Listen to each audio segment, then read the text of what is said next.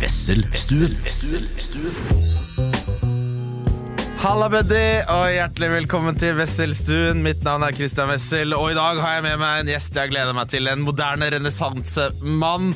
Han uh, er en av legende fra Nordberg. En av Norges, uh, Europas beste tannteknikere. Uh, kampsportutøver.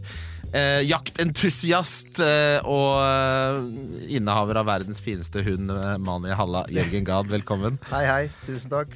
Tusen Det, takk. Ja, så deilig. Dette her blir jo morsomt, fordi du har jo eh, ikke vært kanskje så bevandret i, som gjest i podkastmiljøet tidligere. Nei, eh, kun faglig. Så det her er helt, eh, helt nytt for meg, altså. Ja, fordi for når- folk sier Folk må bare, bare sånn at folk skjønner litt hva en tanntekniker er, så det blir på en måte Mange te tenker litt feil da. Så prøver jeg å forklare sånn Han reiser rundt til Mexico og foreleser og er litt sånn ledende innenfor. Så ja. Men det er liksom en, eh, en liten del av det jeg driver med. Det er Ja. forelesning og sånn på si. Eh, Men eh, det er jo veldig mange som ikke vet at eh, det er jo faktisk tannteknikere og, som lager tenner og smil, og i, selvfølgelig i kombinasjon med tannleger og kirurger.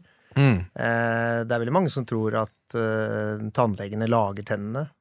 For meg så er jo jeg alltid Jeg har liksom alltid trodd at alle vet jo at det er tannteknikere som lager Ja, vi må utdanne folket litt, tror jeg på akkurat det ja, her. ja, ikke sant? Fordi det er jo eh, eh, Nei, men man tenker jo litt at alle vet hva en selv driver med. Eh, Tenk deg hvordan det er for meg. ja. Mellomleder i en eller annen sånn obskur bransje som ingen bryr seg om, og så lager jeg litt podcaster. Ja. Nå, ha, har, nå har jeg holdt på med det her veldig lenge, og jeg har jo skjønt nå i ettertid at eh, Det har faktisk snudd en del i det siste, da, til det positive.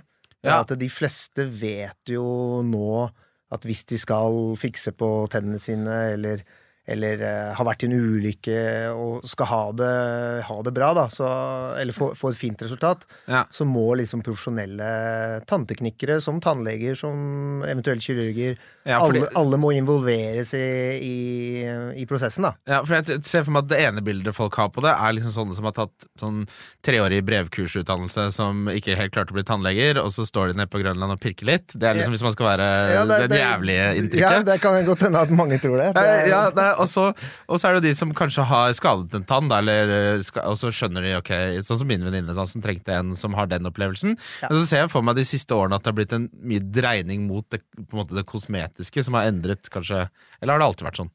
Eh, både ja og nei. Nå er det sånn at eh, jeg, altså jeg har jo Jeg har jo tatt uh, mye av min utdanning i USA. Mm. Uh, jeg husker jo det når jeg kom tilbake fra USA for uh, over 20 år siden. Så var det liksom alle sånn Å, nå skal du bare lage hvite, svære tenner. Men i realiteten er jo at alle fikser jo på tennene. Ja. Eh, det, er er bare de, det er de som har gjort det riktig, i, min, i min, mine øyne. Ja. Det er de som har gjort det riktig, så kan du ikke se at det er gjort noe. Det er bare rett og slett et pent smil. Og så er det ekstremcasene hvor du ser at ok, her er det noe gærent. Ja, det, ja, vi har, vi har snakka litt om det tidligere. Vi har hatt, uh, grunnen til at denne podkasten er blitt til, er jo når vi havner i diskusjon om det er uh, jakt eller om det er tannteknikk eller noe, så blir vi like engasjert begge to, selv om jeg ikke kan en dritt om sånne ting. Ja. Og så har det jo blitt Du har sett eksempler på de som har vært i Tyrkia, da, og den derre skrekkgreia, og så har de fått seg hoven tannkjøtt under, og det ser bare ut som den der sydende pølen av et helvete, men med hvite tenner. Som bare sånn, det der kan jo mulig være bra. Er det mye av det i Norge nå? Ja, og, det, og det er liksom akkurat det som er eh, Det er veldig trist, da. Det er jo det at eh, Vi ser jo Jeg får jo veldig Jeg er involvert da i veldig mange klagesaker. Mm. Og når jeg sier klagesaker, så er ikke det bare folk som har vært i utlandet.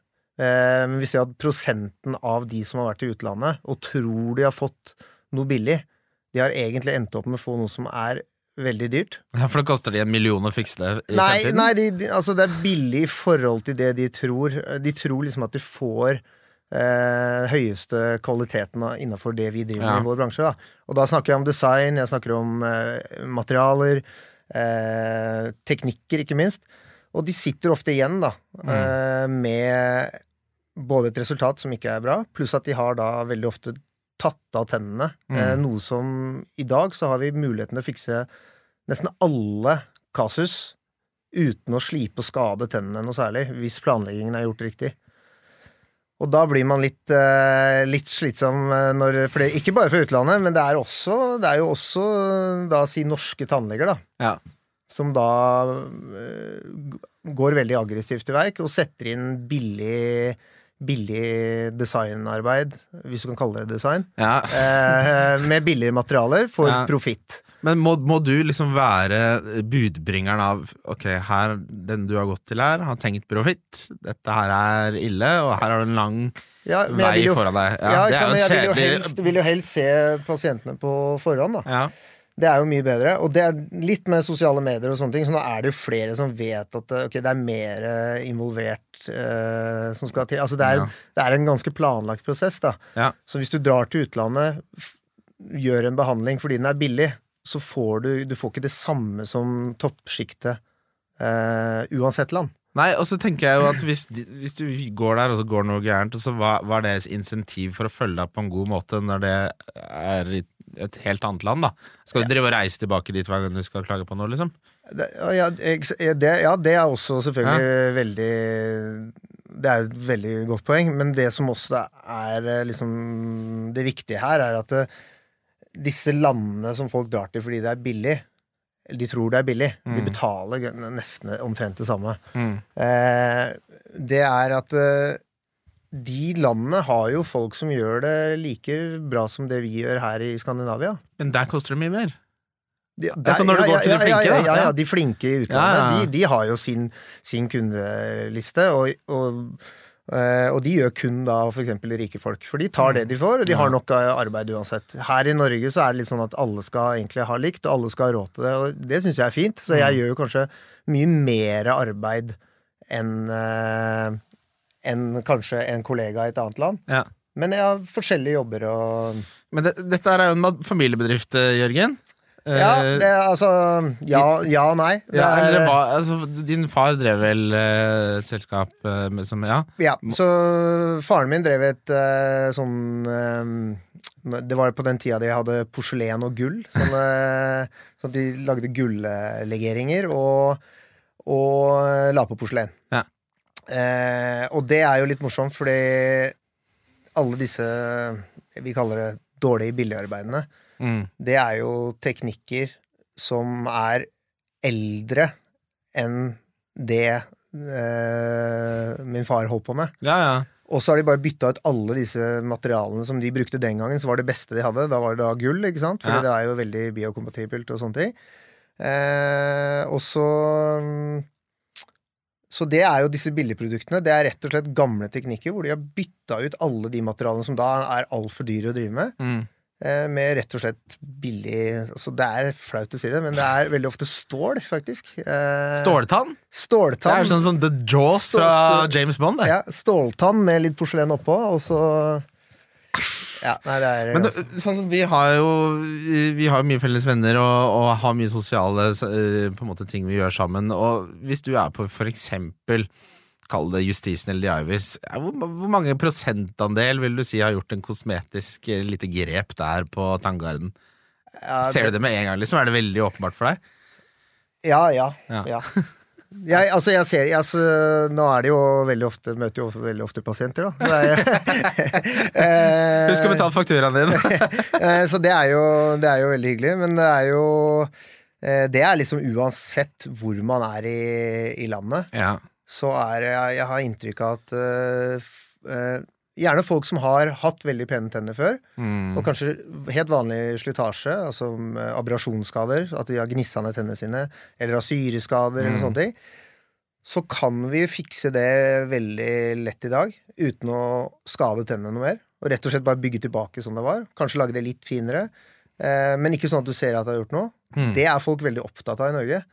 Eh, Ingen innrømmer det. Ja. Eh, Men eh, som sagt, jeg har jo jobba i USA, som er liksom kjent for at liksom alle fikser på eh, tingene. Det var jo de som starta, kanskje. Og jeg vil si at prosentene er høyere Uh, i Norge Ja, Uh, av folk som faktisk gjør noe. men, de, men de holder det mye mer skjult. Ja, altså, det er mye de mye mer skambelagt. Eller Ja. ikke skam, men litt tabu, kanskje, da? Eller et eller annet. Og så skal de ha det så De skal ha det så bra lagd at du ikke kan se at det har gjort noe. Ja, Og da koster det litt penger.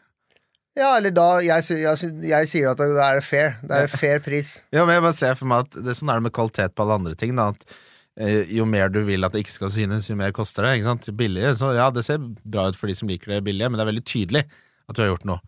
Ja. Ikke sant? Det er veldig lett å se hvis noen har eh, fått en, gjort en, en billig løsning.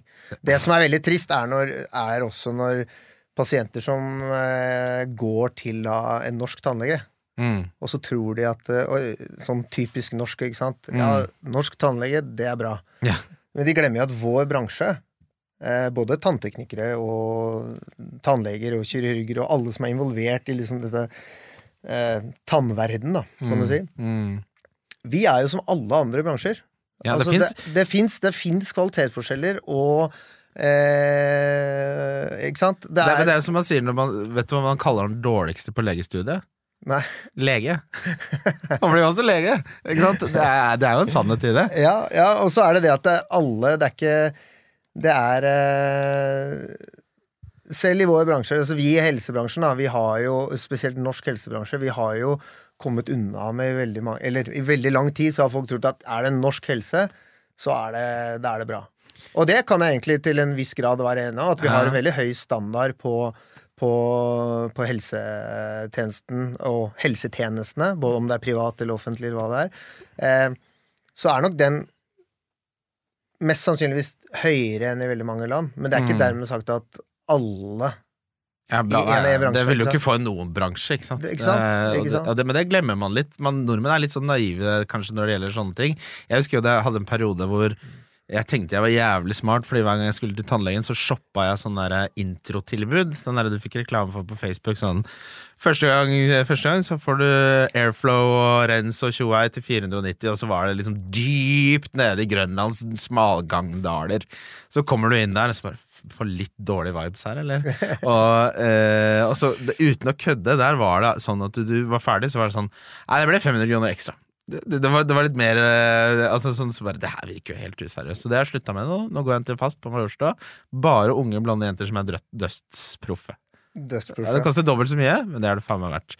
Men eh, med unntak av eh, jobben din, så har du, er du jo en slags moderne renessansemann. Du er ekstremt jaktinteressert. Du er eh, en kampsportutøver som har vært med i VM i brasiliansk jiu-jitsu, blant annet. Eh, I tillegg så er du veldig glad i ah, Skal Du er glad i eh, baroloer, eh, erfarne baroloer Altså, du er jo en eh, litt sånn renessansemann fra Nordberg. Ja. Eh, jo, takk Og, det. og du har med noe her, ser jeg, som ligger rett foran meg. Hva, hva er det du har skutt der, Jørgen? Ja, altså, det er jo Ikke sant, jeg ante jo ikke hva jeg gikk til når jeg kom i det podkastet her. Du, og du, det starta i Tønsberg, hvor vi snakka om jakt. Vi snakka om jakt, og så så du kampsport med meg. Ja. Og så sa du at det her er bare helt lættis, og så skulle du ha meg med på podka- podkast, og så tenkte jeg sånn ja, nei, eh, ja, ok, hva Ja, nei, det kan jo kanskje være greit, det.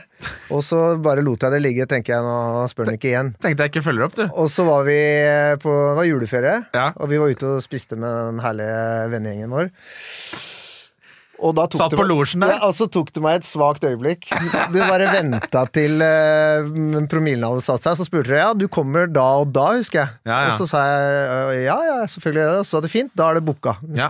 Ja, men det, det er litt sånn interessant, for der tror jeg vi er litt like typer. Selv om vi har forskjellige interesser, så er jeg veldig opptatt av å gjennomføre ting. Ja. Så jeg har en regel på sånn at jeg liker ikke å snakke om ting som ikke blir noe av. Og det, der veit jeg du er helt lik. Så når jeg ser mitt snitt til å få det inn i kalenderen der, så bare får jeg det rett inn i kalenderen, og da blir det noe. Og den, eh, den kvelden her, den ble jo mildt sagt sein, for å si det sånn. Jeg, jeg dro jo kjæresten min opp en slalåmbakke på slutten av kvelden. her. faen, dere Ok, For dere som ikke skjønner det, så har eh, Jørgen eh, rett og slett en hytte på toppen av der stolheisen er på Geilo. Så det er liksom du går av den ene heisen på Geilo-sida, ikke sant? Ja. eh, og da er det sånn, det er én hytte der, så tenker man sånn Faen, hva er det som bor der? Ja, det er Jørgen. der har du hytte. Eh, og når du da ikke får siste snøscooteren med Jonny eh, opp fra losjen i Eiland sentrum der, Ja. så, så må man gå! Så du ba Ja. Ja. Det er Så da hva, hvis du ikke hadde, altså, hva hvis man ikke hadde klart det? Hva hvis man kommer halvveis og bare sånn Nå orker jeg ikke mer. Det er ikke et alternativ, det. Nei, altså da er, det jo, da er det videre ned i dalen, også på hotell, da. Men det, det, det går jo ikke. Nei, det går ikke. Eh, Sånn, men nå, nå gikk Karoline heldigvis litt selv, da. Jeg Ja. måtte dra inn. Men jeg har jo faktisk båret henne opp den bakken en gang. Det, ja, det vil jeg gjerne slippe. Ja, da, da håper jeg det er hun som lager maten dagen etterpå. Men eh, fordi når vi snakker om jaktinteresse og sånne ting, så er det jo mange, veldig mange som er eh, interessert i jakt, men kanskje ikke helt på det nivået som eh, du er. Vi snakket blant annet om din absolutte favorittjaktopplevelse, og da nå, det, nå husker jeg ikke, var det Udu? Nei. Ja, nei, altså, du, jeg husker du spurte meg om øh, øh, min favorittjakt Ja. av all jakt. Ja. Eh, og da sa jeg vel eh, Da sa jeg eh, hjortejakt på Vestlandet. Ja, det, det stemmer. Men, Ja. eh, Eh, for det er, eh, det er helt spesielt. Vi har jo et helt sinnssykt kult land. Mm. Eh, vi er heldige. mm, Og jakten på Vestlandet, der hvor vi også har eh, et terreng, eh, sammen med Mats Jonsson, som er eh, barndomskompis av meg, som mm. gammel råtass på snowboard. Som når han pensjonerte seg fra snowboard, så kjøpte han seg en gård på Stadlandet, for der hadde han surfebølge òg, rett utafor døra omtrent. Eh, og da eh, ble det jo med et jaktterreng ja. eh, på den eh, Hvor det er gården. Det er gjort, ja. Ja. Eh, og der har vi jo hatt det så jæklig kult. Hva er det som Eh, gjør hjort så gøy å jakte på mot for andre? Nei, det er rett og slett vanskelighetsgraden. Altså. ja, er, er det det vanskeligste liksom, i Norge å jakte på? Nei, det er, altså det er all, all jakt er liksom vanskelig på sin, Ja. sin spesielle måte, men det som er med hjortejakt, i hvert fall for min del, da, det er at det er, eh, det er ofte veldig bratt. Eh, Du får deg en skikkelig eh, liksom, arbeidsøkt eh, gjennom dagen. Og så må du være veldig god på å snike, eller rett og slett jobbe sammen i team. da Ja. Sånn at vi ja, Si at vi, vi ser et, et dyr, så finner vi ut om det dyret er det vi kan ta på kvota vår. Og så må vi rett og slett sette opp en plan. Eh, Og da går den planen over, over en halve dagen. Mm. For det vil si at vi bruker lang tid til å komme opp til det dyret. Vi må komme inn med riktig, eh, riktig folk fra hver side og sånne ting. Mm. Og så ta ut dette dyret sammen, da. Men det må, det må være utrolig sårbart for hvis en av jaktlaget er dårlig. Ja. Så altså, jeg ser for meg man har gått, og det er bratt, og man har jobba og lagd en plan, Ja. og så er det en som på en måte slurver litt, eller er litt klønete, eller sånn, som ødelegger for, for hele greia. Er det sånn at da, Ja, det- og- da er det ut, da, eller? Ja, nei, nei, nei, nei, ikke i det hele tatt. Fordi at alle Altså Hvis man gjør det tre ganger på rad. Nei, nei, det er ikke sånn. For at det, det som er med jakt, at det er i hvert fall på sånne jakter som det er, så er det så vanskelig. Det er så sinnssykt lite skal gå Altså det er så sinnssykt lite skal til, da. Ja. Sånn at uh, bare at vinden snur. Hvis vinden snur, For da lukter de deg, er det det? Altså, de lukter deg på tre kilometer, Ja. og ser deg på 500-600 meter, og hører deg på bare en kvist knekke, liksom. Så det er, det er veldig, veldig Og så er det veldig ofte når det er veldig bratt og veldig ulendt terreng, Ja, ja. så er det ikke Du får ikke så veldig mange eh, skuddsjanser heller. Men så Det er jo kombinasjonen av at det på en måte er øh, fysisk krevende. Du må jobbe i lag, stort sett. Mm. Ja. Du må legge inn plan øh, for at det i det hele tatt skal gå. Og at det i tillegg er så vanskelig, for det er så mange variabler som kan øh, forandre seg fra et sekund til det neste. Og så må du på en måte det siste øyeblikket da, hvor du må felle dyret. Så det er jo litt sånn det er på en måte veldig mange guttemenn i dag sitter og får utløp for ved å sitte og spille Call of Duty, da. Mm. Skjønner du hva jeg mener? Det er mange som bare, i hvert fall de som, hvor det ikke går så bra, og sånn, så lukker de seg mer og mer inne og spiller mer og mer data eller mer og mer PlayStation. Ja. For da får de en litt sånn følelse av Men det er bare det, det her er bare på ekte, og at det, det faktisk skjer. ja, Skjønner du hva jeg mener? Og så er det det, også det, vi, det vi skal litt fram til nå, som jeg har med til dere her. Ja, oi, oi, oi. så har jeg med litt eh, Altså Mye av det for meg, da. Ikke sant? Jeg er jo veldig opptatt av ernæring og sånn. Mye i forhold til trening, selvfølgelig. Ja, Og øh, fordi at øh, det er en veldig lett måte å holde seg sunn og frisk på. Det er egentlig bare å spise, spise god mat. Ja, men Eh, hva legger du i det, da? Hva, hva innebærer å spise god mat for deg? Er det Nei, egentlig Altså, det er egentlig å spise nærings... øh, Altså mat med næring. Altså, det er veldig mye av det vi får kjøpt i butikken i dag, som ikke har noe med næring å gjøre. det som er prosessert og sukker og Ja, sukker, ja, ikke sant? sånne ting. Eh, Ja. Enda verre når jeg bodde i USA. Ja. Da så jeg hvor ille det var. Og sånn har det Det er jo 20 år siden, så det har jo nesten blitt litt sånn i Norge òg. Mm. Det er veldig vanskelig å gå i butikken og få kjøpt uh, sunn mat. Um, så ja, og, og kanskje dyrt, vil jeg tro også ofte.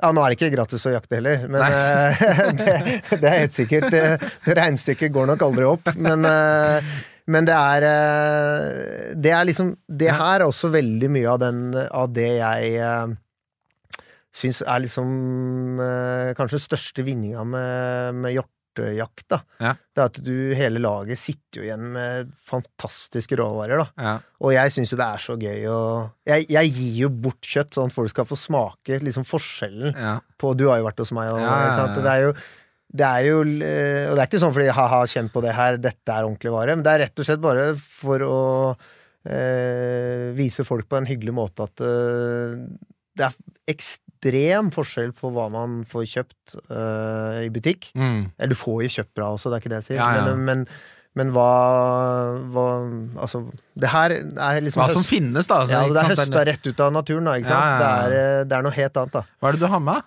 Ja, nå har jeg med litt uh, noe reinsdyr som, Å, oh, fy fader. som en rundbiff, og det, jeg tror det er en Skal vi se Ja, og det er en bo bogstek. Det er Så kan jo dere og produser kan jo slåss om hva dere vil ha.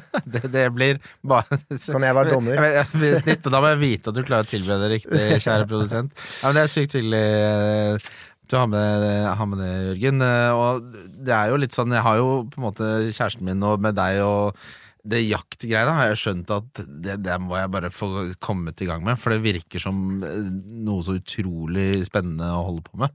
Så er spørsmålet om, for dere som har hørt på podkast i mange år, en, en litt overvektig 35 år gammel Christian Wessel som jeg skal, jeg skal i hvert fall ikke være med på hjortejakt neste år. Dette tror jeg hadde ødelagt for hele jaktlaget. Men jeg må begynne med noe enkelt. Da. Hva, hva, Nei, men For å være helt ærlig, at eh, det er akkurat det jeg også liker med hjortejakt. For du spurte hva er liksom min favoritt. Ja, ja, ja. Jeg, altså, jeg har jo jakta alt som er omtrent. Eh, eh, sånn som eh, den jakten er der, da. Altså reinsdyr. Der hvor vi jakter reinsdyr. Det er, altså, det er ikke noe nybegynnerjakt. Altså, det, er det, det sier jeg hvert år. Dette gidder jeg ikke til neste år. ja, for jeg hadde For akkurat er- tenkt å spørre deg om det. Det er, noen- liksom når ute, Vi bor ute i to dager pluss, og det er liksom Det er tungt å gå inn, og det er enda verre å gå ut, for da har du gjerne reinsdyr i sekken. ja. Og det er liksom klatring med sekk, og, og det, det anbefaler jeg ingen, for å være helt ærlig. Det er ikke verdt det? Eh, eh, nei, jo, altså det er, Ja, ja, nå tenker mener, du det er litt som å føde. Da. Du glemmer hvor vondt det var. Men hvert år når jeg står der, så er det Vi har samme terrenget. um, Det er en, en eh, veldig god venn av meg som har et jæklig fint eh, privatterreng, eh, Mm. familieterreng, som har vært i familien i mange år. Og det er sånn jakt-eldorado, men det er altså så Jeg klarer ikke å forklare hvor ulendt terrenget er. Altså. Det er eh, Og da, det jeg skal ærlig innrømme hvert år, så tenker jeg det her gidder jeg faen ikke. Jeg skal fortelle deg min ene jaktopplevelse jeg noensinne har hatt, Jørgen. Ja. Da uh, Fy fader, dette her var mørk tid. Jeg, var, jeg, var, jeg tror jeg var 19 og hadde fått sparken fra jobben min på Ica oppe på Jabru. Uh, og ubrukelig kar der. Og så var det en kompis av meg som drev et firma som het Elitesalg.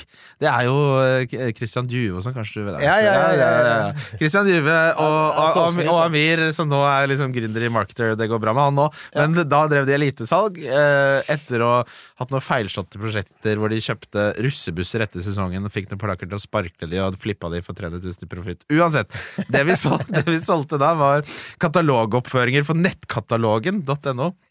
Eh, eh, slash eh, 180.no. Den var ikke noe god selger, forresten, heller. Men da hadde vi en, eh, en eh, sånn salgssjef der, som var den mest sånn typete salgssjefen du kan tenke deg. Sleik og Kristoffer Brattberg het han. Fy faen, var så, eh, ikke bra type. Han bestemte seg da, for da hadde de en sånn eiendom oppe på, oppe på Hamar, hvor vi skulle ha teambuilding. Så da var vi fem, eh, fem karer som dro opp dit, kjørte opp dit.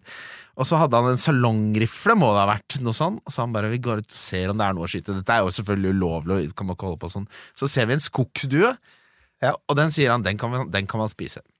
Den skøyt vi. Eh, og fileterte, liksom plukket av fjærene. Tok av brystfiletene på skogstua. Tok de litt aluminiumsfolie på en grill. Og, og spiste en skogstue som vi skjøt på Hamar. Ja. Det er det eneste, og da eh, jaktopplevelse. Jeg har liksom tatt møyendommen min med det. Du starta med 20-jakt, og men du leverte på første, da. Det er bra. Det, det, det, hvor guttete oppførsel er det? sånn, eh, te, telefonsalg, katalogoppføring og tjuvskyte duer oppi der. Ja.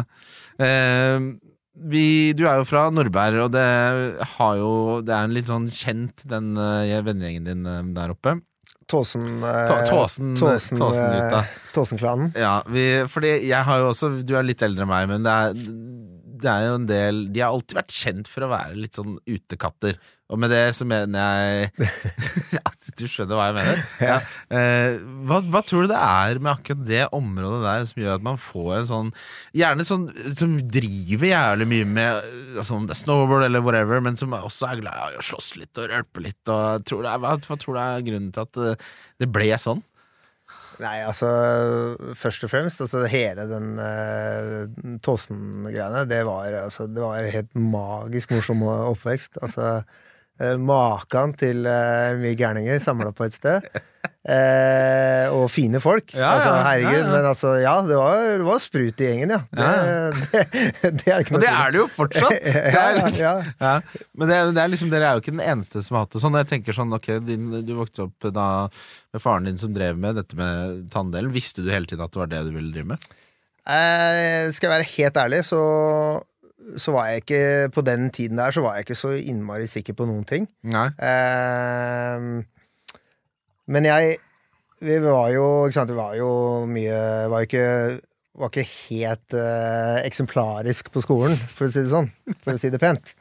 Eh, så var mye, mye energi og gjorde jo mye tullball og sånne ting. Ja. Men eh, det var noe sånn at eh, i Reform 94 så hadde vi noe som het paragraf 10-elev. Og det var at du fikk lov å søke på den studieretningen du ville, uten å ha karakterene for å komme inn. For man skulle fange opp de som falt litt utafor, eller noe? Nei, jeg tror ikke Jeg tror kanskje det var et tilbud for de som virkelig visste hva de ville. Det, det, tror jeg egentlig, det er egentlig det det var. Og så, og så kom, jeg, kom jeg meg på det der, og så måtte jeg bare ta de karakterene jeg trengte for å komme inn på den, eh, Ja, ja. den eh, utdanningen, da. Og da var det da en helseretning, da. Og så begynte jeg der. Eh, og da syns jeg det var eh, Ja, det var helt, helt greit. Altså, jeg syns det var eh, Det jeg likte veldig godt, var at det var veldig mye praksis, da. Altså, jeg Mm. var veldig mye av det kalde utdanningen, da. Det var jo Det var jo i, på laboratoriet. Og da hadde jeg jo den fordelen da, at jeg kunne dra rundt i forskjellige laboratorium som, Mm. var, som var flinke på den delen vi hadde, som vi lærte om der og da. Mm. Og det var dødskult. Mm. Eh, så jeg fikk jo veldig mye jobberfaring. Eh, eh, mens, jeg, eh, mens jeg tok utdanning, og det var jævla kult. Og det, nå er det sånn Jeg foreleser jo litt eh, på forskjellige universiteter, egentlig, men, Mm. eh, men jeg har også vært litt grann på Oslo OsloMet og undervist litt der. Og det er liksom sånn Det er kanskje det jeg savner mest under utdanning. At de er veldig flinke på skolen. Og, Teoretisk, men det er for lite Eh, Veldig, ve ja. veldig Men det, det du ser, er at eh, det er ofte de, de som er veldig flinke med, med Altså praktisk, da. Mm. De shiner liksom ikke så mye når det blir for mye teori. Da. Ja, for det, det føler jeg liksom jeg, har, Det er ganske mange unge lyttere som er sånn eh, 20-21, og jeg får en del sånn eh, Hvordan skal man vite hva man velger, og hvilken retning man skal ta, den type ting. Og da eh, te- føler jeg liksom at det er litt underkommunisert, det derre eh, at det å på en måte finne noe som er mye mer orientert mot å gjøre ting, da. Ikke sant? Hvis, hvis du har et miljø hvor mange driver med eh, om det er snowboard, eller om de står på ski, eller at du blir vant til den der at du, du kan bare prøve deg på ting. Eller hvis du har lyst til å lage podkast, sånn som jeg, da, og begynn. Bare begynn med å faktisk gjennomføre det, istedenfor å vente på den derre «Ah, Må jeg velge den? Veldig ofte så må du ikke nødvendigvis vente på en, off, altså sånn en formell retning for å finne ut av hva du skal gjøre. Jeg, jeg, jeg, jeg, kunne ikke vært mer enig. Og Ja. det er veldig sånn gammeldags. Det er sånn når du lærer når du er yngre. Jeg, kan komme tilbake til liksom litt hva som skjedde med meg senere, men det var jo at eh, Men det man sier til liksom de unge, og gjør det fortsatt i dag, det er liksom at «Å, nå må du velge, og nå må du liksom, Nå skal du bli det. Bare, Ja. Det er ingenting. Altså, jeg hadde akkurat uh, snakka med en venninne i går. Som hadde liksom total bytta karriere. Ja. Eh, og starta på helt ny karriere. Eh, og jeg møtte mannen hennes i garderoben på Frontline Ja, ja, ja. før sparring. Og Ja. liksom hei og hopp og, og hun er jo like gammel som meg. Hun er 1,80 fra Tåsen, hun òg. Ja.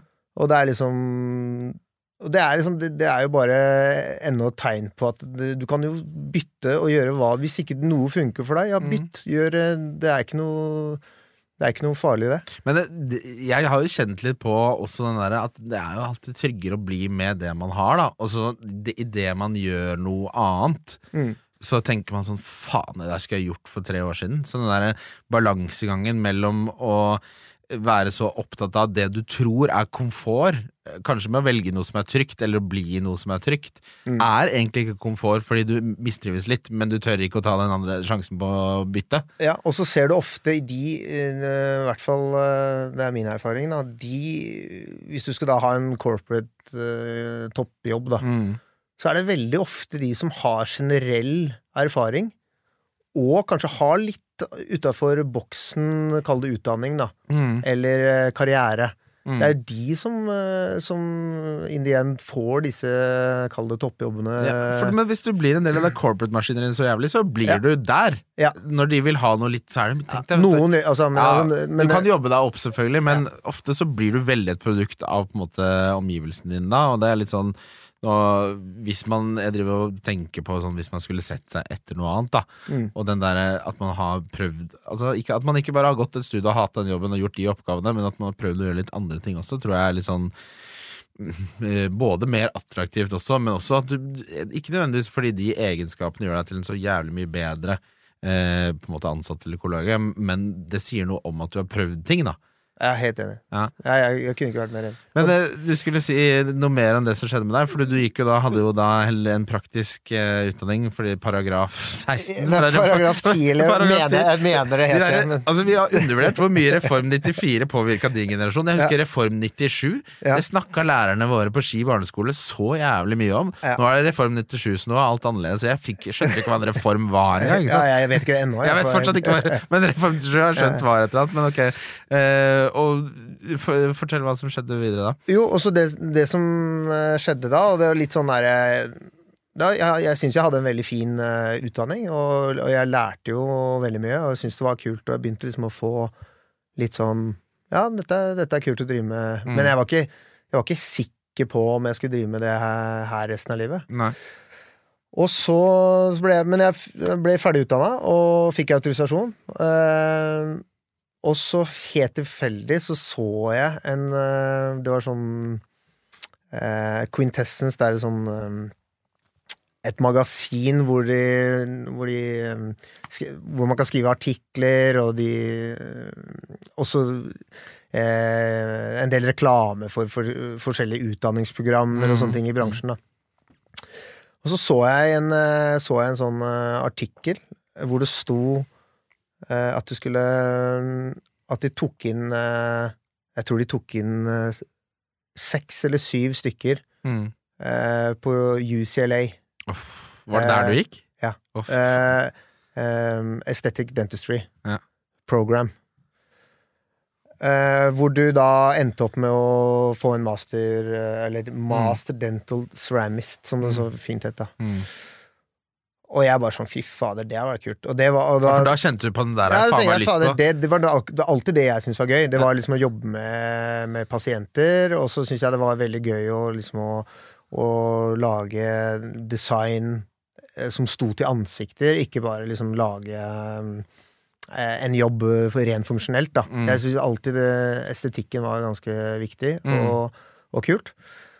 Og så selvfølgelig så likte jeg det at man eh, Den laboratoriedelen er jævlig, jækla kul, da. Ja, Det er, hva inne, altså, er det liksom at du forsker på forskjellige materialer, teknikker, eller hva? Nei, altså vi fremstiller jo alt av tenner og kaller det smil og implantater og Ah. alt mulig fremstilles i et laboratorium. Ja.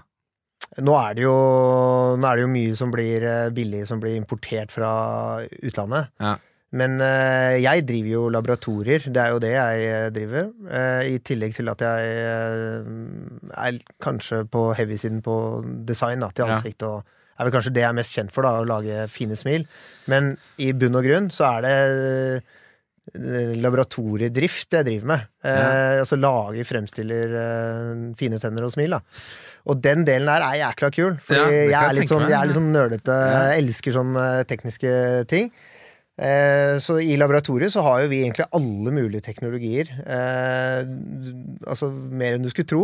Altså vi har liksom hatt 3D-printere og CNC-fresere og skannere. Altså alt mulig sånn som er veldig hipp på Instagram nå. Ja. Det har vi hatt i ti år. I hvert fall. 30, noen, nei 20, mange av de, Ja, ikke sant? For dere er jo Det er vel nøkkel for deres eh, måte virke, så dere må jo ha det. Det er jo ikke en hobbybasert ting. Liksom. Ja, og så er, det, så er vi store deler av, eh, av eh, tannhelse Mm. er ofte privat, Mm. så det er mye penger i det. ja. Så at teknologien, tidlige teknologier, fokuseres veldig ja, fordi dere har kjøpekraften til å kjøpe inn dette dette utstyret. Ja. ja.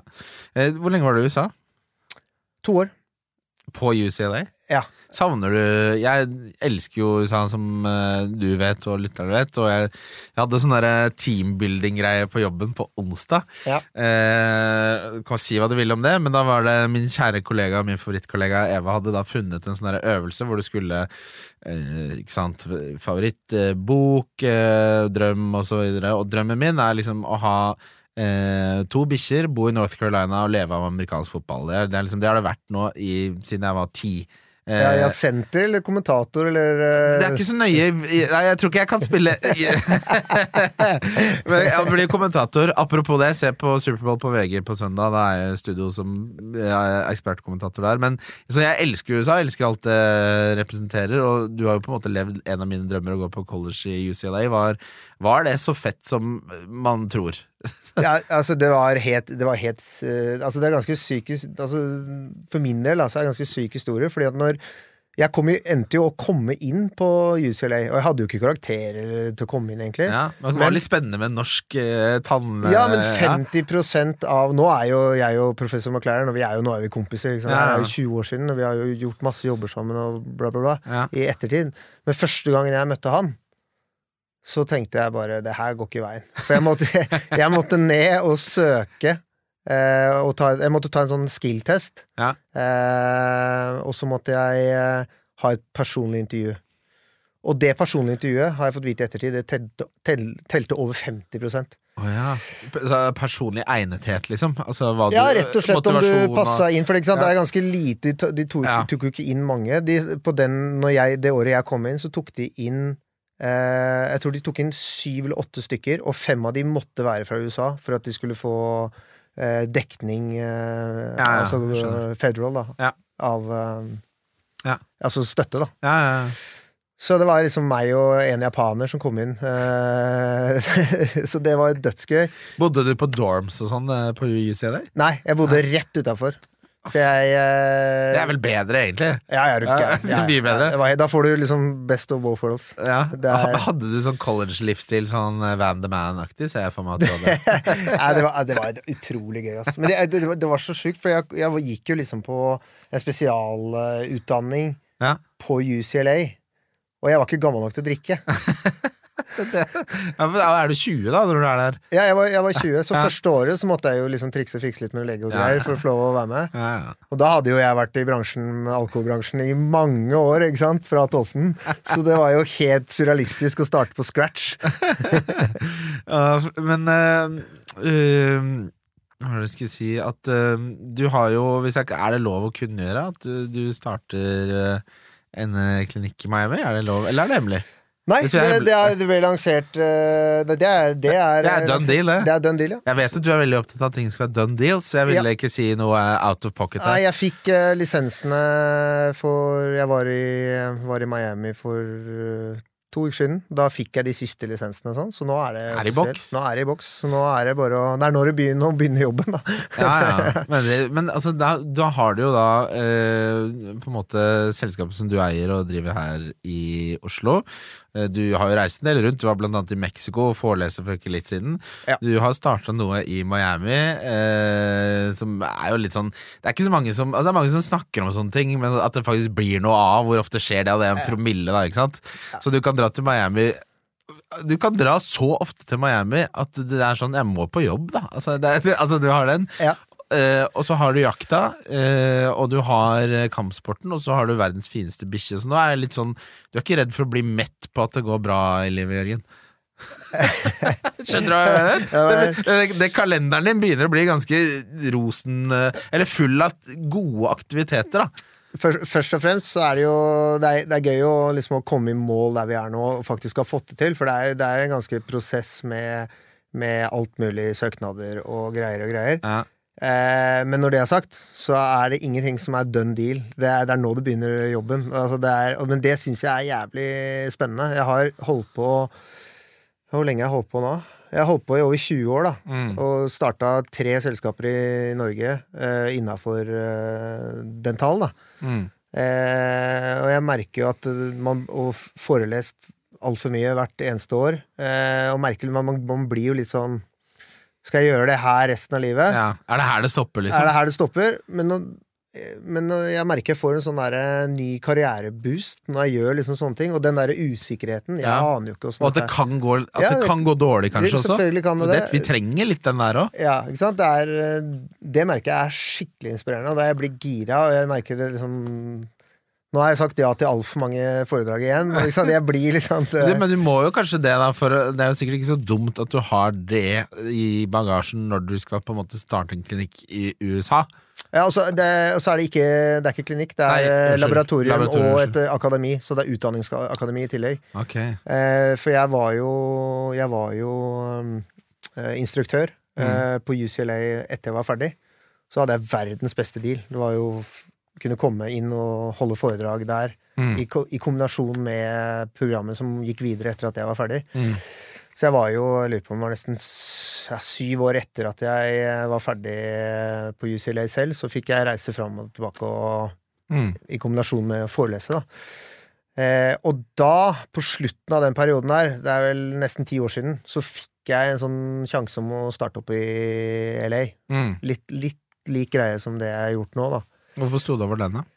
Nei, og det er akkurat det som irriterer meg. For Ja. at eh, jeg vanligvis så liker jeg å angre på ting jeg eh, har gjort, Ja, ja, ikke ting jeg ikke har gjort. Ja, for det er ikke ofte det, det, det, det, føler jeg er litt sånn karakterbrist, nesten. Ja, ikke sant? Er, og, men det var mye den da, Det var mye fram og tilbake, og jeg starta jo noe annet i, i Oslo, Mm. eller utafor Oslo og greier.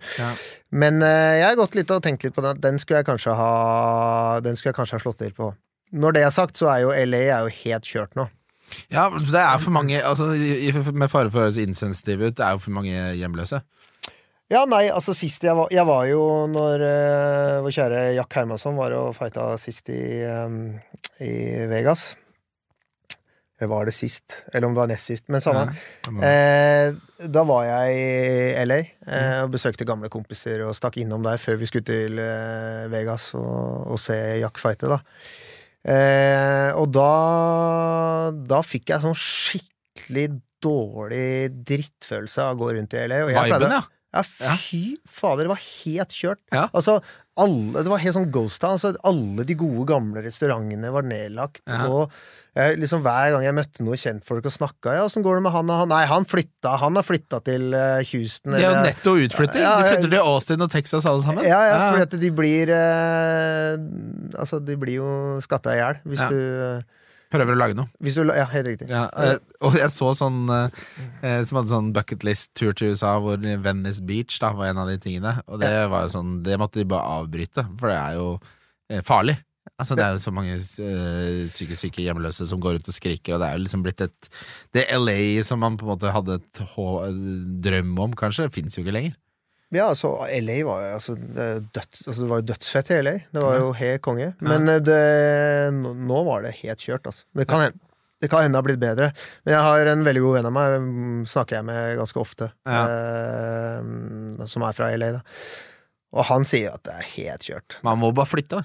Ja, han er på vei. Ja, det, det. Vi skal ta en kjapp pause, så er vi straks tilbake. Ja, Først og fremst så må jeg huske å ta den der obligatoriske shoutouten til uh, Bertil Steen og Losers Lounge-gutta. De følger med, vet du. Yes, vi drikker jo Det er ikke alkoholreklame, dette her, produsenten. Det er, vi legger, drikker en Nebbiolo. Du er jo eh, eh, kjent for å ha den morsomste terminologien når det rødvin, gjelder røven som jeg vet om. Altså, når Jørgen eh, eh, skal velge vin, så sier han gjerne en litt erfaren italiener med 12-15 hestekrefter, som også er den mest harry setningen som er mulig å si. Spesielt hestekrefter på alkoholprosent. Den, jeg klarer ikke å dy meg, så når jeg er på polet, så syns jeg det er morsomt å, å kødde litt med folk. ikke sant? Så jeg er litt sånn, jeg kjøper alltid det samme, men av og til så sier jeg på mitt lokale pol da, på Grünerløkka Du har ikke fått, fått inn noen 15-hestere, noen, noen hestekrefter og sånn, og så ser de på på meg som jeg er riv ruskende gæren. Og så tenker jeg sånn, det, det er jo ikke så jævlig stor forskjell på alkoholprosenten i rødviner heller. Det har jo ingenting å si. Nei, det har ingenting å si, så du sier det bare på faen. Ja, ja. Ja, deilig. Uh, men eh, ja, du har etablert da laboratoriet og på en måte utdanning i Miami. eh, f- f- For en by å etablere noe i. Hvordan valgte du samarbeidspartnere og ansatte og sånn der? Hvordan, hvor delaktig har du vært i den prosessen? Eh, ja, det var, det var egentlig ganske Det var ikke så vanskelig. Nei, har, har en, Kontakter. Ja. Jeg har, har jo fryktelig mye kontakter igjen fra, fra UCLA-tiden, Ja. da, hvis du kan kalle det det. Mm. Det er vel ikke så stort marked å ta av av de som kan dette her, men jeg tenker sånn hvis, man skal, hvis de skal ha utdanning, er det da folk som skal videreutdanne seg hos dere, da, som har kommet fra UCLA? Ja, eller, eller veldig Altså, det er jo så i vår bransje som i alle andre bransjer, at uh, spesielt hvis du driver egen butikk, som de fleste tannleger og tannteknikere og, og sånn gjør, da, eller jobber privat, da, Mm. Så er det det at du må hele tiden øh, Du må hele tiden utdanne deg. Altså, Ja. må jo Jeg må tenke meg Det er en av de mest sånn eh, fornyelseskrevende yrkene som er. Ja. Altså Hvis du er regnskapsfører, så er det sånn regnskap har vært det samme siden de falt, fant ut av dobbeltbokføring. Altså, ja. Ja. det har kommet noe AI og noe triple text, og gud hjelpe meg. Men, men her så er det sånn, ok, hvis det kommer en ny måte å gjøre det på som du henger etter, så går de bare til en annen. Så du må se for meg. Ja, eller, ja da, eller da kan du kanskje ikke få til øh, ja, disse nye teknikkene og, Ja. og, og det er liksom det, er liksom det jeg eh, ofte snakker om, da. Det er liksom åssen vi løser eh, caser. Mm. Eh, hva slags materiale vi bruker. Mm. Eh, og eh, selvfølgelig eh, teknikker som eh, jeg og vi Når jeg sier vi, så er det fordi jeg har jo fryktelig mange flinke ansatte Ja, ja. også, som, eh, som er med på det her. Eh, men det er også det at vi Nei, altså vi hele tiden er i utvikling, da. Ja. Eh, og det er jo så viktig. Og det er litt, fordi Hvis ikke så havner vi i samme fella som litt av det billiggreiene. Det er jo at vi skal alltid utvikle oss for å, lage et bedre tilbud for pasienten. Ja, og så tror jeg din personlighetstype også, at hvis du hadde bare gjort det samme på nytt og på nytt, så hadde du klikka for det. Ja. At du hadde kjeda deg så jævlig. Så, det, det, det, er ja, altså- men jeg, jeg gjør jo veldig mye av det samme, men, jo, jo, men det er liksom- små inkrementale på en måte utvikling, da. Ja. Eh, for det, det er jo liksom, tror jeg alle kan kjenne på, at sånn eh, de Det er akkurat som når du kjører eh, hjem, og så er det en og en halv mil du ikke husker at du kjørte, fordi du har gjort den så mange ganger. Og så når jobben din begynner å bli sånn, Mm. da, i hvert fall sånn som jeg kjenner din personlighetstype, tror jeg det har klikka for deg. Eh, men du har jo forelest eh, noen steder, i hvert fall, vet jeg, og Mexico. Hva hva er ditt favorittsted eh, å reise? Ikke faglig, men for det utenom.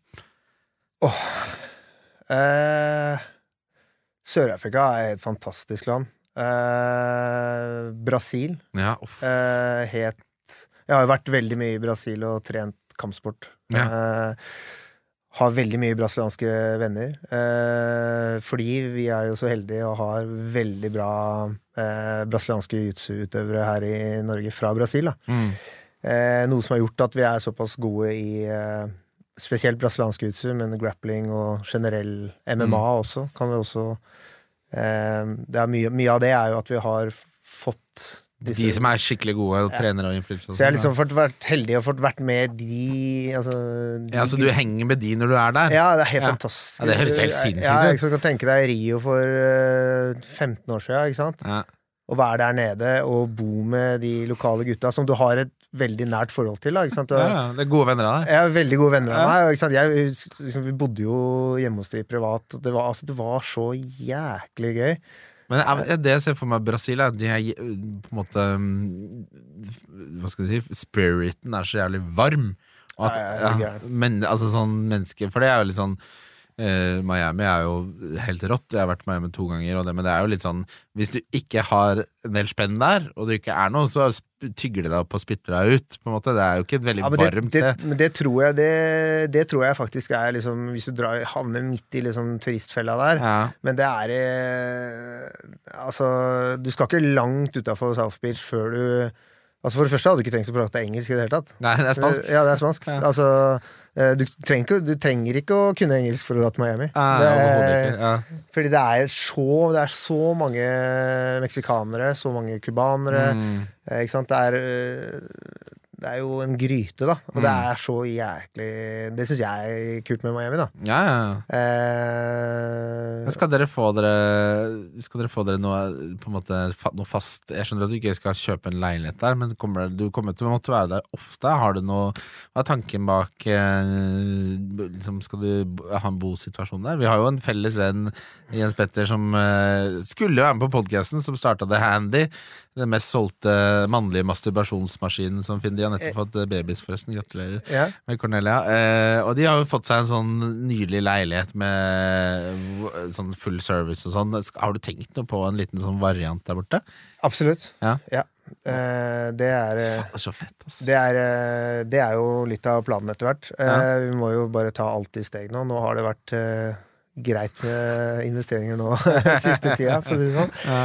Eh, men eh, det er helt klart eh, Det er helt klart eh, noe som, som jeg alltid har hatt lyst til også. Ja, er det, for jeg tenkte å spørre, er det en drøm? For det er jo litt Ja. sånn for Når du har studert på UCLA, man har hatt en liten drøm om det, Ja. eh, så er det sånn en ting, ja, det er jo jobb, men det å på en måte å få oppfylt den drømmen å få bo i USA, da. Som er, Ja, og så, vi, har jo, vi har jo hatt feriested i, i Frankrike i mange år. Eh, som vi solgte for når var det? oktober, to år Mm. siden eller noe sånt. mm. Eh, og det, og jeg har, det har jo helt klart vært i tanken at eh, hvis jeg noen gang selv eh, får meg et eh, feriested, kan du si, da, så er det jo Miami det, altså, det er så lettvint vet du, med direktefly, og det er liksom helt strøkent, da. Eh, når det gjelder eh, kampsport og brasiliansk jiu-jitsu, så har vi jo snakket tidligere om eh, eh, Jeg skulle jo egentlig begynne på det, men må skamme meg for at jeg ikke dukket opp på den timen. Men eh, hva vil du si Er det et todelt spørsmål? Hva vil du si fellesnevneren er med de som blir gode? Ikke de som er, men de som begynner fra null og blir gode. Hva vil du si fellesnevneren er for de sånn personlighetsmessig? Og eh, spørsmål to, tror du alle kan bli gode i det? Ikke at de blir blant de beste innenfor på en måte en konkurransesituasjon, eller sånn, men at de på en måte mestrer det. Er det skjønner du hvor jeg vil hen? Absolutt. Eh, det er kanskje det som er kulest med, med kampsport. Eh, og da mener, jeg, da mener jeg kampsport hvor du eh, Hvor du sparer. Altså hvor du konkurrerer konkurrerer. måler deg mot en, liksom? Ja, Ja. fordi at det, det er eh, Det er en veldig Altså nøktern greie. Mm. Eh, du lærer at du, det er ingen andre å skylde på. Mm. Eh, så det, ja, eh, alle personligheter kan bli gode i kampsport, fordi Mm. at du, du kommer til å finne en eller annen vei som eh, passer din personlighet. Eh, samme kommer det med kroppstype. Eh, selvfølgelig blir du mye bedre form av å drive med kampsport, det Mm. sier seg selv. Mm. Men eh, det er ingen eh, kroppstype som er noe særlig bedre enn andre. Det er bare at da får de en helt annen uh, stil. Ja. Uh, og det er det som gjør det så kult. Mm. Uh, sånn mindset, så er det to forskjellige Det er sikkert flere, men sånn som jeg analyserer det, så er Mm. det de som har lyst til å være kjempegode i kampsport, Mm. og så er det de som har lyst til å bli kjempegode i å konkurrere. Mm. Ehm, det er ikke dermed sagt at de som konkurrerer veldig mye, er de beste. Nei. Eh, og det er ikke dermed sagt at uh, de som ikke konkurrerer, ikke har lyst til å konkurrere. Nei. For det, det er ofte der eh, det stopper litt, da. Ja. De som er veldig Vi har jo, de sier jo det, sånne gym heroes, ikke sant? Som Ja. er dritgode på gymmen. Altså når det Og så står det der eh, Står det der en stor konkurranse, og eller skal gå make the walk, da. Når Ja. du skal gå inn i ringen og faktisk ja. eh, Og så viser- visner de. vise, ja. Ja. Altså, de har, de har, ikke, de, de har ikke den eh, den switchen, da. Nei. Eh, og så har du de som eh, er gode i begge deler. Altså, det, det er ikke noe Men, men sånn, jeg, det jeg kan se for meg, er liksom at mye av det handler om på en måte en sånn på en måte at Og nå har jeg aldri drevet med det, så, så det er bare sånn, en som eh, på en måte observerer fra utkanten. At, at kanskje du har liksom noen ting du vil ta med deg selv. Sånn kanskje mm, at du vil holde Altså utholdenhet, da, om det er smerte, eller om at det er, du ikke helt får det til. At du på en måte kanskje eh, Dette er ditt på en måte aveny for å få utløp for den type ting. Altså at du står i det, selv om du kanskje ikke eh, har, har vært den som har gjort det eh, nødvendigvis tidligere. Og hvis vi ser på brasiliansk jiu-jitsu, i hvert fall som jeg har sett, så er det sånn de, Fysikk, ja, selvfølgelig. De er jo slippery og smidige og sånne ting, men de som er best på det, er jo ofte ikke de du ser ved første øyekast. Det er, bare, det er så jævlig teknisk.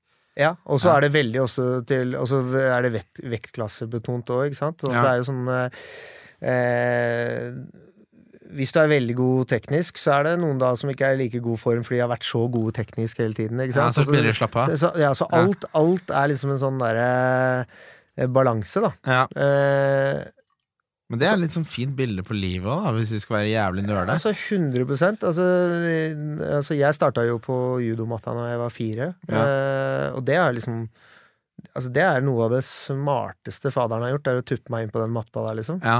For at det, eh, selv det jeg lærte når jeg var liksom Nå holdt jeg på litt, da, men altså Jeg gjør jo ting i dag som jeg lærte liksom Mm. Fordi når du er ung, ikke sant, så, så har du ikke lært å gjøre noe feil. Nei. Så når du, når du lærer noen Vi ser jo det på de kidsa som er på frontline nå. De blir jo gode så For de har riktig ja, De har aldri, de har aldri, lært å gjøre feil, Ja. så de bare lærer riktig med en gang. Ja. De trenger ikke å reversere og lære Jeg ser for meg en sånn tiår-veteran, så kommer det en som har holdt på i tre år, så bare Du ser det Ja, movet der, det er sånn du skal gjøre det. Ja, men det er, det er, det er Ja. ikke tull engang. Det er fordi de Og det er jo Men det er sinnssykt kult å se på Barnepartiet Mm. På frontline. Det er rett før competition-partiet, hvor jeg trener, da. Sånn at jeg ser jo, når jeg kommer stressa fra jobb, og så titter jeg inn, og så ser jeg disse små rollingene. Eh, så ser dere når de kommer, når de starter så de, er liksom, de titter jo rundt, og de, de, de, er liksom ikke til stede engang. Og de beveger seg klumsete, og ikke sant. De er Det De ser litt sånn, sånn, sånn halvfulle folk i julebordstida.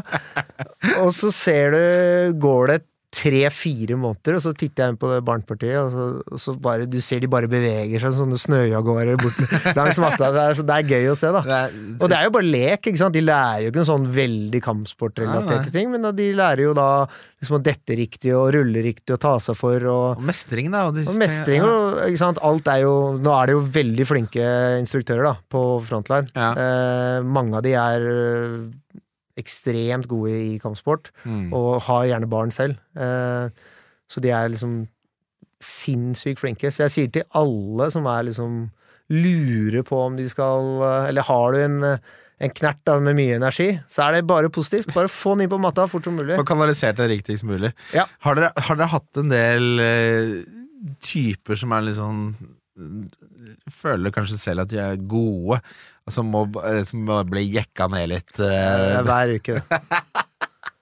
Men nå er det ikke, nå er det ikke sånn som før, da. For før så hadde vi ikke noe sånn som når jeg starta. ja. Eh, spesielt på brasiliansk jiu-jitsu og, og grappling og den, den delen der, da.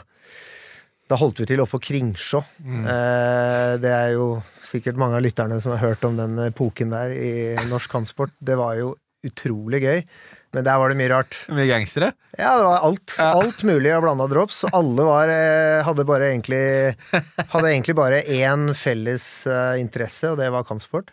Ja. Eh, og det var, det var helt sinnssykt hvor mye bra som har kommet ut av den tiden der. ja. Altså, De fleste vet jo ikke om uh, Joakim Hansen, som er liksom nordmann som har vært verdens beste MMA-utøver før det liksom MMA ble mainstream. ja. Jeg, var jo, jeg var jo på jobb i Japan med noen foredrag-greier. Og jeg trente jo sammen med Joakim hjemme i Oslo. Ja. Og da husker jeg det, det kommer jeg aldri til å glemme. Jeg, for jeg sa Joakim, du, jeg er på, jeg er på jobb. Uh, jeg ser du skal gå kamp. Han bare å ja, ja, ja, jeg fikser billetter og alt mulig. Og jeg stikker dit, da. Det var i Ariaki stadion i Tokyo. Og jeg kommer inn der, og da fighter jeg, husker ikke, men det er sånn 30 000 folk. Og det er sendt på eh, nasjonal TV i Japan. Han er superstjerne.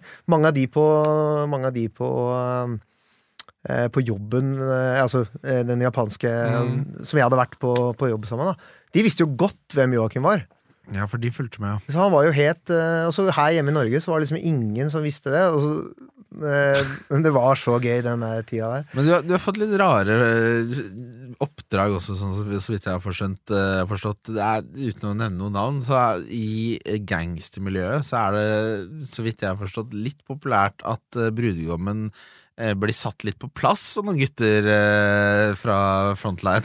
Ja, ja, ja, ja er du gæren? Vi har jo, det har, men det er vel sånn for alle, alle kampsportklubber, egentlig. At det kommer Kan dere jekke ned han eh, Ja, ja, så er, det, så er det veldig ofte at eh, folks eh, Hvis noen har et utviklingslag, da, og brudgommen kanskje har vært en litt sånn tøffing, så er det veldig populært å ta de med ned på frontline, og så får de Så får de uh, Sett hvordan ting ligger an? da? Ja.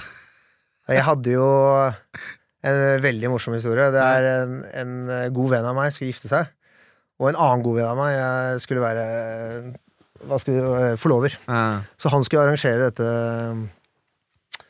Dette utviklingslaget, da.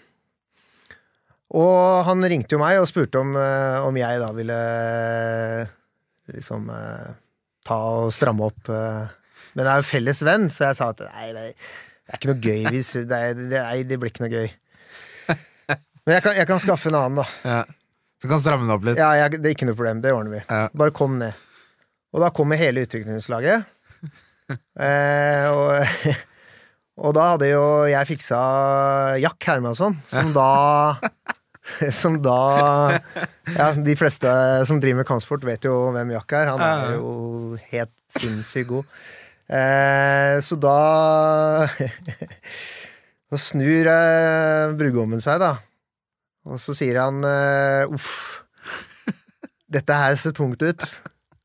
Og da kommer forloveren bort til meg så sier han sånn Jørgen, er du sikker på at dette her er bra nok? han visste ikke hvem Jack var. Eh, Så det, det viste seg, det var mer enn nok. Ja, han prøvde seg, da, eller? Hæ? Ja, det ble, det ble noe, da. Ja, det ble, det ble, gjort, eh, det ble gjort på en eh, fin måte. Altså, det er ikke noe Ja. Men har du, har du opplevd noen gang eh, Det er et jævla harry spørsmål, men har du kommet i en situasjon hvor, hvor du har måttet slåss? Ja, ja, ja. Det har jo det. Men det er, det er mer, men det er mer sånn eh, eh, hvis, hvis folk er veldig fulle på byen, eh, og du kjenner kanskje den som er fullest, Ja. og så går du imellom fordi det er noe krangling og sånne Ja. ting. Men det, er altså, det er Men da er det mer sånn nøytralisere, holdt jeg på å si, enn å Ja. altså, For det, noe av det morsomste eh, som jeg ser, er hvis det er bråk på byen. Mm. Og det for det, bråk på byen er, er veldig mye Det er, det er som to haner, da, som er veldig mye bruse med fjæra. Og så er det en som bestemmer seg for at nå skal han slå. Mm. Eh, og den oppladningen for de som ikke er fulle, hvis du er på vei hjem, eksempel, er helt fascinerende å se på. For du ser at de prøver sånne der triks med at de ikke ser på den de skal slå, rett før de skal slå, og så lader de opp. Og så blir det en sånn slags ballettdans mellom de som slåss, hvor ingen treffer noen ting, og så liksom går det over av seg sjæl. Men mens når man ser en som på en måte har, har litt kampsporterfaring, og sånn, så er det sånn når det bestemmer seg for at nå er det nok, så er det bare sånn et lite grep, så er det sånn nå holder det. Ja, eller ja, kanskje bare holder Altså bare markere med måten du holder på, er øh, ofte nok, da. Men, men øh, sånn som det var før, jeg husker jo det, sånn som det var på byen før, det var jo slåssing overalt. Ja, Hva er det som har endra seg der, da? Nei, jeg veit ikke. Det er jo så nå er det Jeg er jo, jeg er jo Voksen? Nei, jeg er ikke voksen, men altså, jeg er jo mye ute ennå. Ja, ja, altså, jeg er jo glad. Jeg er jo glad i en fest, jeg. Det, så jeg er jo mye Jeg er jo mye ute og fester og har det gøy. Uh, og det er jo ikke noe bråk på byen lenger. Nei, det, det er sant. Det er Sånn som det var før. Det var jo helt crazy banana. Det Men var- jeg lurer på hva som har endra seg der. Hvorfor det har blitt Altså Det jeg husker mest bråk, var sånne 18-årssteder, sånn Mosquito og Altså Der hvor det samles mye unge folk, liksom. Men jeg vet ikke hva Det har på en måte blitt Altså, jeg, jeg trente jo med veldig mange av de som sto i dørvakta, eh, dørvaktene. Eh, Som sto på um, eh, Rosenkrantz gate. Ja, ja. Den der sportsbarn-tida der. Altså, det var jo helt insane. Der var det kaos. Det var kaos, altså. Altså, altså det er klokka tre Da var det Det var sånn ting hver gang. ja, det, var, det var krigssone, liksom. Det var jo helt crazy. Så sånn er det ikke. Sånn er det, ikke. det er jo bra, da. At det ikke er noe Ja, det, men det må jo være litt sånn eh, det er, det er noe Altså Jeg ser for meg også at i de vennegjengene hvor de har en som er veldig god i sånne ting, så ypper de seg kanskje litt ekstra mye, for de veit at det er en som kan håndtere det hvis det går skeis. Ja, ja det, det er godt mulig, men det er liksom sånn er, Jeg føler ikke at det er noe sånn problem. Altså. Nei, vi, vi er blitt for gamle for det, Jørgen. Takk Gud, takk Gud for det. Um, ok, veldig hyggelig å ha deg på besøk. Jeg gleder meg veldig til å smake litt uh, reinsdyr. Uh, hvis vi skal konkludere med noe i denne episoden her, så tror jeg det jeg var jo litt sånn, du, Det er jo første gangen du har vært med på en sånn type podkast. Var litt spent på Det, det jeg ville fram til, var, eller det jeg ville diskutere, var bare litt sånn livet ditt og livet vårt og livet til alle, egentlig. Ja. Og konklusjonen vår er eh, du må gjøre ting selv om det virker skummelt og du er komfortabel der du er. Ja, og en annen ting, det er at hvis, hvis, hvis, hvis du aldri hører noe, hvis du, du har en idé, Ja. og ingen sier at det er feil, da kan du bli nervøs. Hvis du har en god idé, Ja. og jækla mange mener at det der er jækla ah, det der er dumt, og skal fortelle deg at nei, det der må du ikke finne på, alt mulig, da er det en kjempeidé. Det garanterer jeg. Ja, for hvis alle bare jatter med, Ja. så er det sånn Da får jeg får, jeg får lykke til å feile, da. Det er greit. Ja, det, som du bare med en gang eh, Med en gang noen mener at eh, det der får du aldri til, det Ja. en god idé. Men jeg har en teori om det. Nå skulle jeg egentlig avslutte med å ta en siste ting. Når, du vet, når jeg er sånn som irriterer meg veldig over folk som har veldig fakter.